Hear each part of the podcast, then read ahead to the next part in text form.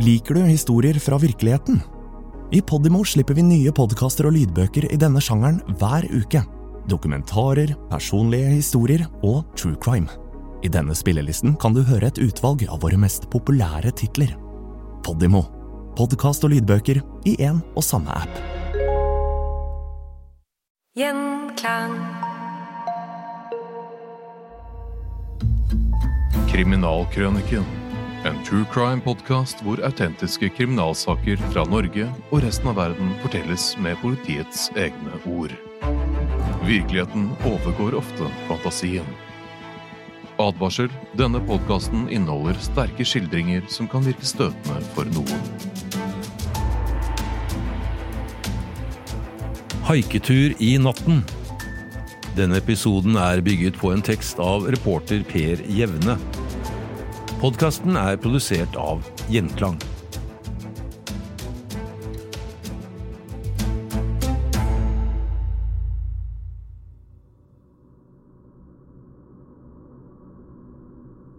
Avgangsklassene på Meløy videregående skole hadde i lengre tid planlagt en skoletur til Vest-Berlin. Det ble en tur som startet bra, men som endte som et grusomt mareritt.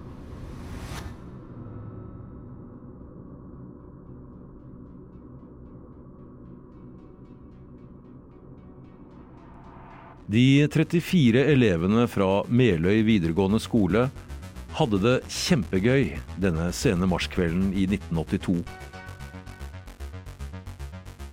De hadde benket seg rundt bordene i diskoteket Quasimodo i Vest-Berlin. Klassen var på avslutningstur for bl.a. å praktisere tysken de hadde lært på skolen. Klassen hadde reist fra hjemstedet Ørnes kommune i Nordland bare noen dager tidligere. Turen hadde inntil nå vært vellykket. Musikken på diskoteket var super. Stemningen i kjellerlokalet var på topp. Akkurat slik 18-20-åringer liker det.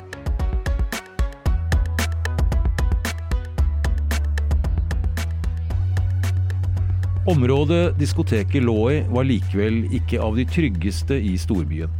Restaurantene lå tett i tett. Mange holdt åpent nesten døgnet rundt, og det var mye kriminalitet i strøket, med grateprostitusjon og narkotikasalg. Men eh, skoleklassen fra Ørnes hadde vært ute og reist før, og de visste å ta vare på seg selv. Formaninger og instrukser hadde de også fått i rikelig monn før de dro hjemmefra.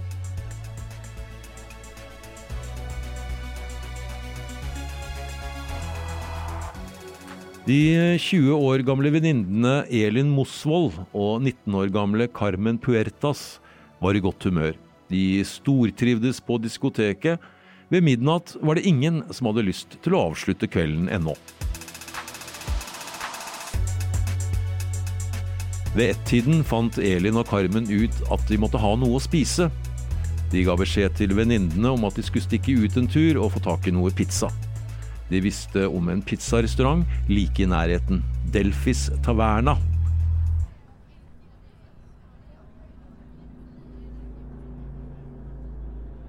Planen var å strikke bort dit og få seg noe mat.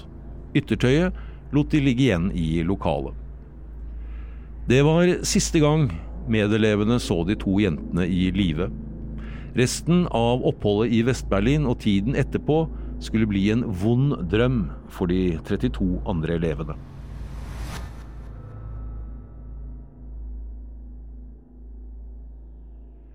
Det viste seg at Delphis Taverna hadde stengt for kvelden.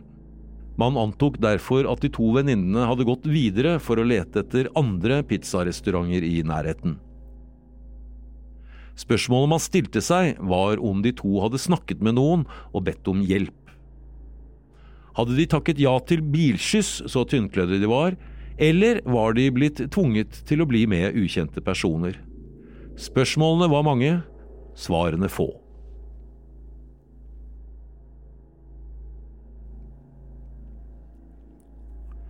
Da det var gått en viss tid, begynte elevene på diskoteket å lure på hvor det ble av de to venninnene. De syntes Carmen og Elin brukte utrolig lang tid på å få tak i pizza. Noen av elevene forlot lokalet for å lete etter de to, Men klokka 03 om natten mandag den 15. mars var de ennå ikke kommet til rette.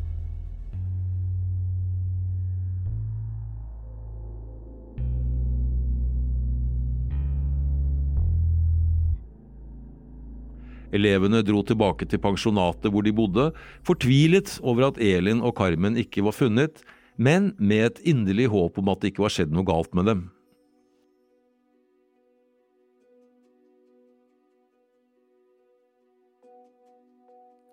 Om morgenen var de to jentene fremdeles ikke kommet til rette, og den norske militærkommisjonens leder i Vest-Berlin, Herbert Linder, og kriminalpolitiet ble varslet om forsvinningen. Dermed var det gitt klarsignal til en omfattende etterforskning som ikke ville bli avsluttet før flere år senere.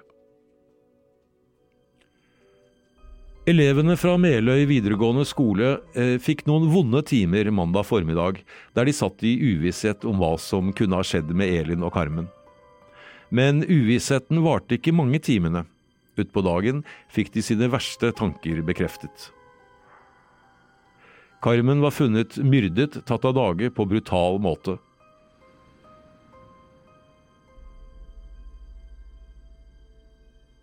Meldingen gjorde et uutslettelig inntrykk på de unge elevene på hotell Pension Schönberg. De hadde selv vært ute og lett etter de to venninnene om formiddagen. Den glade skoleturen for å praktisere tysken de hadde lært, endte med et møte med storbyens råskap. Ungdommene var knust. Om morgenen den 15. mars i 06.30-tiden ble Carmen Puerta funnet av en skogvokter i det populære utfartsstedet Grünewald.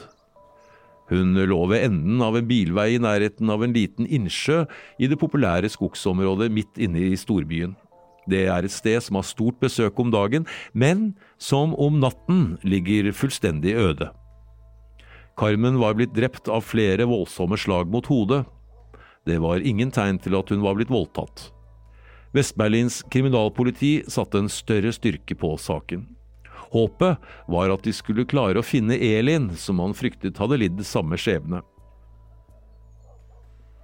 Men til tross for omfattende søk i det aktuelle skogsområdet og sokning i innsjøen, ble ikke Elin funnet. På vesttysk fjernsyn ble Elin Mosvold etterlyst flere ganger de nærmeste dagene. Drapet på 19-åringen ble slått stort opp i pressen i Norge. Allerede dagen etter var flere norske journalister på plass i Vest-Berlin for å følge etterforskningen. Lederen for den norske militærkommisjonen, Herbert Linder, sa til norske pressefolk at selv om det en tid hadde vært forholdsvis lite kriminalitet i byen, var grove overfall og drap noe som skjedde daglig i Vest-Berlin. Carmen Puertos var opprinnelig fra Peru, men var kommet til Norge noen år tidligere. Hun bodde sammen med storebroren sin i Ørnes kommune. Carmen var en omgjengelig og godt likt elev. Stemningen i kommunen var dyster etter at meldingen om drapet nådde dem. Og hva hadde skjedd med Elin? Det ble utlovet en belønning på 5000 D-mark for opplysninger som kunne føre til oppklaring av det man nå mente kunne være to drap. Men hva var motivet for drapet på Carmen? Ikke var det et ran, ikke så det ut til å være av seksuell art. Var dette en gal manns verk? Kriminalsjef Werner Gerhard innrømmet at dette var en av de vanskeligste saker Berlin-politiet hadde stått overfor på lang tid. Man utelukket heller ikke at Elin var i live, og at hun ble holdt som fange på et eller annet sted av Carmens drapsmenn. Men fikk jentene kjøpt pizza denne kvelden, før de forsvant? Det ble nemlig funnet en spesiell type pizza like i nærheten av stedet hvor Carmen ble funnet. En pizza innpakket i aluminiumsfolie. Pizzafunnet forble et mysterium.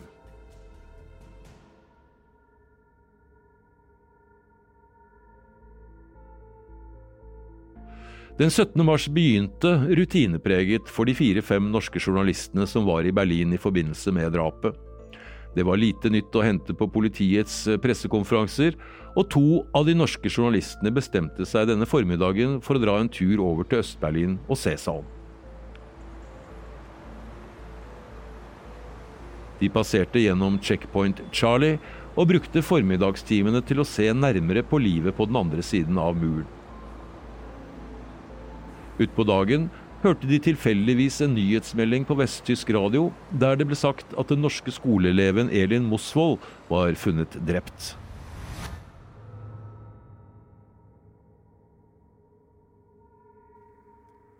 Elin Mosvold ble funnet ca. klokken 14.30, ca. 2500 meter fra stedet hvor venninnen Carmen ble funnet.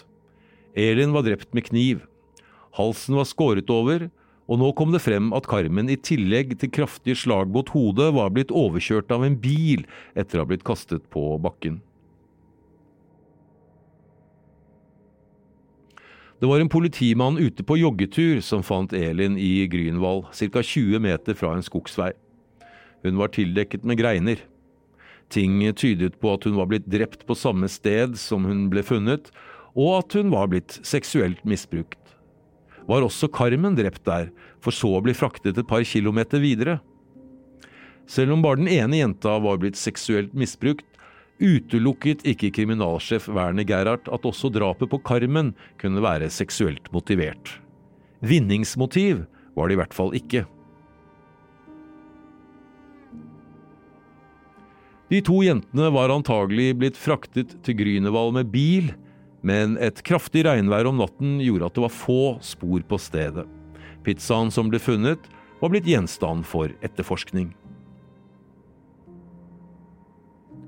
Over 100 pizzarestauranter ble kontaktet, og spørsmålet var om noen av disse kunne ha produsert denne spesielle pizzatypen som ble kalt Apollo.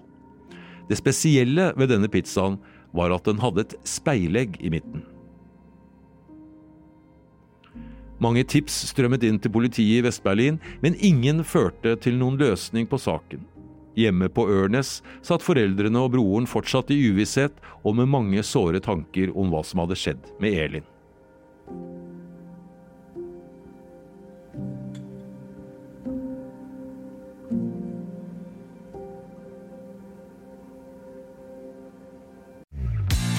Hei! Har du lyst til å høre mer som denne podkasten, men helt reklamefritt? Da vil jeg anbefale deg å laste ned Podimo-appen for en gratis prøveperiode. Ikke bare finner du kvalitetspodkaster innen alle sjangere, men også flere av de mest populære lydbøkene. Alt sammen i Podimo-appen. Spekulasjonene rundt det som hadde skjedd, var mange. Var det én eller flere drapsmenn? måtte Carmen være vitne til at venninnen Elin ble drept før hun selv ble tatt av dage? Hvorfor ga de seg i lag med eventuelle ukjente menn denne natten, noe de var sterkt advart mot på forhånd? Var pizzaen et viktig spor? Et eh, fingeravtrykk ble funnet på folien rundt pizzaen, men det viste seg at dette ikke tilhørte noen av jentene. Dersom fingeravtrykket tilhørte en vesttysk statsborger, ville politiet raskt finne fram til vedkommende, for der måtte alle borgere i landet avgi fingeravtrykk. Pizzabaren som laget den spesielle Apollo-pizzaen, ble omsider funnet. Stedet het La Bohème og lå et godt stykke unna Quasimodo. Men pizzafunnet ga foreløpig ikke svar på noe av betydning, selv om funnet fortsatt var av stor viktighet for etterforskningen. Den 21. mars kunne en ansatt ved La Bohème imidlertid fortelle at nå husket han de to jentene som natt til mandag var innom og kjøpte en pizza innpakket i aluminiumsfolie. Åtte og en halv D-mark kostet den, og det var ekspeditrisens fingeravtrykk man hadde funnet på innpakningen. Men hvorfor var ikke de to norske jentenes fingeravtrykk på folien? Det fikk man aldri noe svar på. Etterforskningen sto i stampe. Ti dager etter drapene var det ingenting som tydet på at saken sto foran en løsning. I Berlin fortsatte etterforskningen utover i mars. Seksualforbrytere ble kalt inn til avhør. 325 tips ble sjekket, men ingen førte til resultater. Politiet sto uten sikre spor.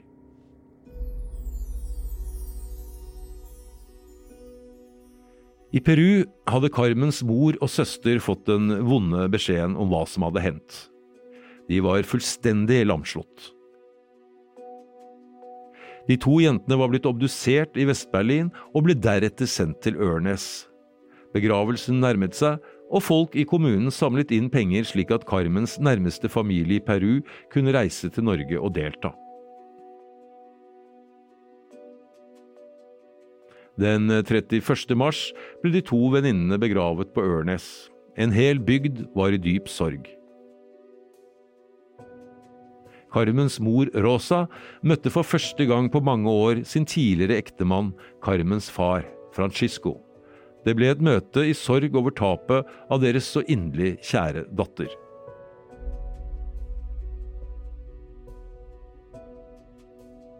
Elever fra skolen bar kistene fra kirken og ut på kirkegården. En stor menneskemengde tok det siste farvel med de to av bygdas unge jenter. I pressen døde saken sakte hen. Bare noen små drypp av og til om etterforskningen, om nye drap på unge jenter i Berlin og om nye mistanker, men ingen sikre spor.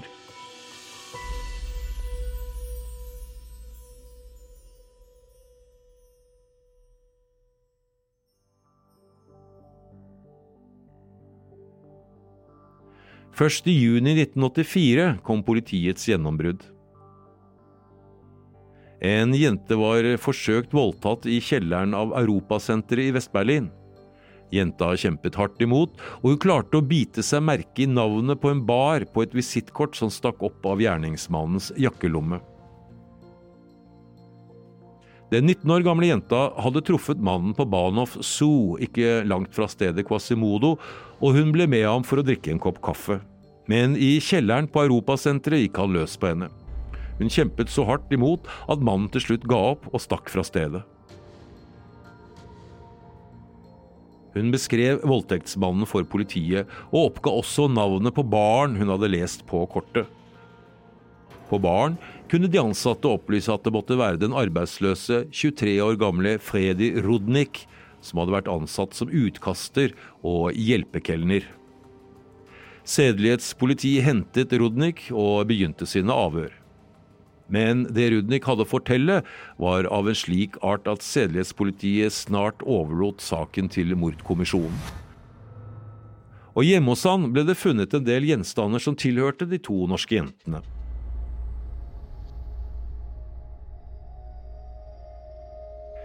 Nå kom også gjennombruddet i den lange etterforskningen.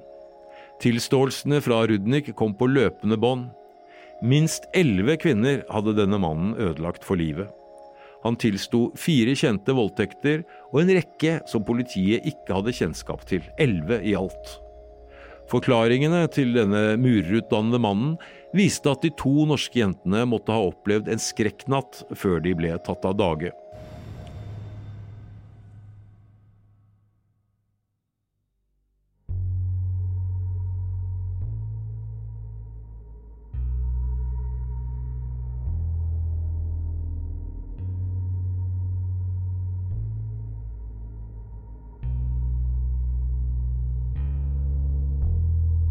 Etter at de hadde oppdaget at pizzarestauranten var stengt, ble de to jentene gående gatelangs i håp om å finne et åpent sted.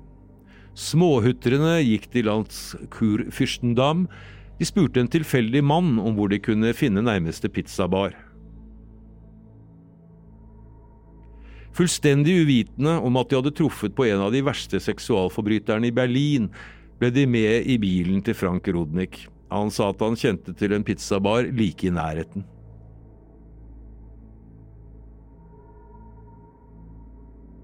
De kjørte til La Bohème og fikk sin Apollo-pizza. De gikk tilbake til bilen til den hjelpsomme mannen og satte seg inn. Men nå ble de møtt av en helt annen holdning. Mannen hadde forandret seg fullstendig. Han pekte på dem med pistol da de var på vei inn i bilen. Turen gikk nå i full fart mot Grünerwald. Elin og Carmen var fullstendig hjelpeløse. De satt i fella. Ute i skogen stoppet Rudnik bilen og tvang Elin ned i bagasjerommet. Deretter dro han Carmen ut av bilen og bandt henne fast til et tre. Han dro så Elin ut av bilen og voldtok henne mens Carmen måtte se på. Fortvilet og fullstendig fra seg måtte Carmen se på at venninnen ble mishandlet. Etter voldtekten ble Elin lagt ned i bagasjerommet på bilen. Carmen ble plassert i passasjersetet før Rudnik kjørte et stykke gjennom den øde skogen. Carmen så plutselig sitt snitt til å hoppe ut av bilen, men Rudnik ga gass og kjørte rett mot henne. Han kjørte henne brutalt ned og kjørte over henne med bilen to–tre ganger, inntil han var sikker på at hun var død. Deretter stoppet han bilen og slepte henne vekk fra veien. Elin lå fortsatt i bagasjerommet, mishandlet og fornedret, skrekkslagen over det vonde hun hadde vært gjennom. Hva hadde skjedd med Carmen? Hva ville skje med henne? Fredrik Rodnik hadde ingen medfølelse, ingen samvittighet. Han kjørte tilbake mot Berlin sentrum, og flere ganger ble Elin dratt inn og ut av bilen. Enda en gang måtte hun finne seg i å bli seksuelt misbrukt. Rudnik kjørte omsider tilbake til Grünerwald. Jenta i bagasjerommet kunne bli et viktig spor for politiet.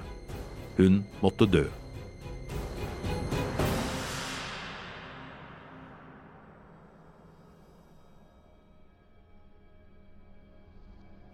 I Grünerwald tidligere en marsmorgen, døde den norske skolejenta fra Ørnes. Og samme dag ble en av de største menneskejakter i moderne vesttysk kriminalhistorie innledet. Det skulle gå over to år før saken ble løst.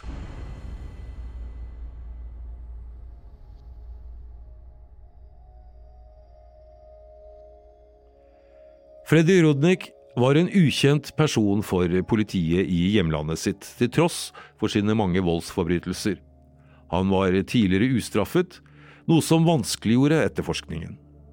Selv om han gråt flere ganger under avhørene etter arrestasjonen, satt politiet igjen med det inntrykk at han var en meget brutal person, noe flere av de forulempede kvinnene også har fortalt om.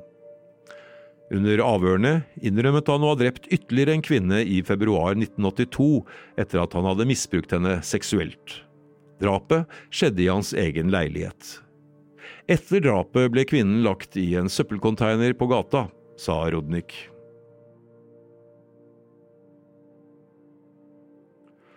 Rodnik var fra Ror-distriktet og hadde vært gift i åtte måneder, men hans kone visste ikke noe om hans voldsomme tilbøyeligheter. Hun hadde aldri merket noe slikt så lenge de var gift. Naboene hans karakteriserte ham som en mild og høflig mann. Til eh, politiet fortalte Rodnik at han ofte hadde drømmer, og at han var nødt til å gjøre det han hadde opplevd i disse drømmene. Fredrik Rudnik hadde hatt store psykiske problemer helt siden han var barn. Blant annet skulle han som 15-åring ha forsøkt å voldta en 13 år gammel skolejente på hjemstedet sitt. Da han drepte Elin og Carmen, hadde han en tid vært sammen med sin 33 år gamle tilkommende kone, og da avisene slo opp drapene, sa han til henne at drapsmannen burde kastreres.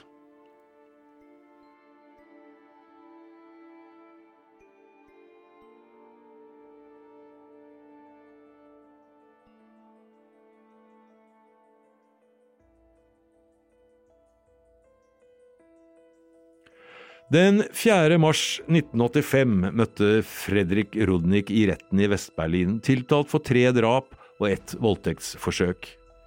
Det var satt i verk strenge sikkerhetstiltak i rettslokalet etter at en mor til en voldtatt jente hadde klart å skyte ned tiltalte under rettsforhandlingene året før. Men Rudnik kunne kanskje ha trengt strengere tiltak også i Moabit-fengselet, der voldtektsforbrytere står lavest på rangstigen, og hvor han hadde vært utsatt for kraftige overgrep fra medfanger. En gang ble han overfalt og mishandlet da han dusjet. I retten forklarte han at han ble opphisset av sex og tortur. Han hadde sadistiske drømmer og fantasier, og ofte drev han hvileløst rundt i bygatene. Farlig og søkende. Den natten han traff de to norske jentene, forsto han at han ville få tilfredsstilt sine drømmer. Han sa i retten at han ikke hadde tenkt å drepe, men da Carmen forsøkte å stikke av, fikk han panikk og kjørte henne ned. Han ville derfor ikke la Elin slippe unna, hun kunne snakke. Etter drapene planla han å stikke av til Afrika. Omsider falt dommen. Aktor Willy Widenberg la ned påstand om tre ganger livsvarig fengsel pluss sju og et halvt år for seksuelt misbruk. Forsvareren Rolf Bossi ba om at straffen ikke måtte bli mer enn 15 år, og at hans klient fikk komme på mentalsykehus. Fredrik Rodik blir aldri en fri mann igjen. Et bestialsk udyr, kalte aktor ham. Dommer Hans Joakim Heinze avsa dom to ganger livsvarig fengsel for drapene på de to norske jentene og ytterligere tolv år for drapet på en ukjent kvinne. I tillegg ble han idømt tre år for seksuell mishandling.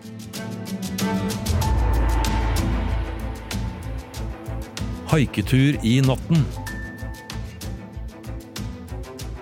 Denne episoden er bygget på en tekst av reporter Per Jevne.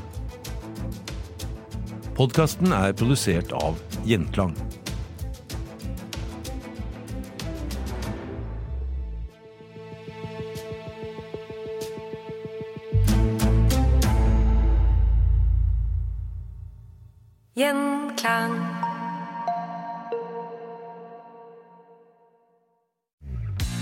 Likte du denne episoden? Så del den, da vel. Fortell en venn hva du hører på, og gi følelsen av god lytting i gave til noen du bryr deg om.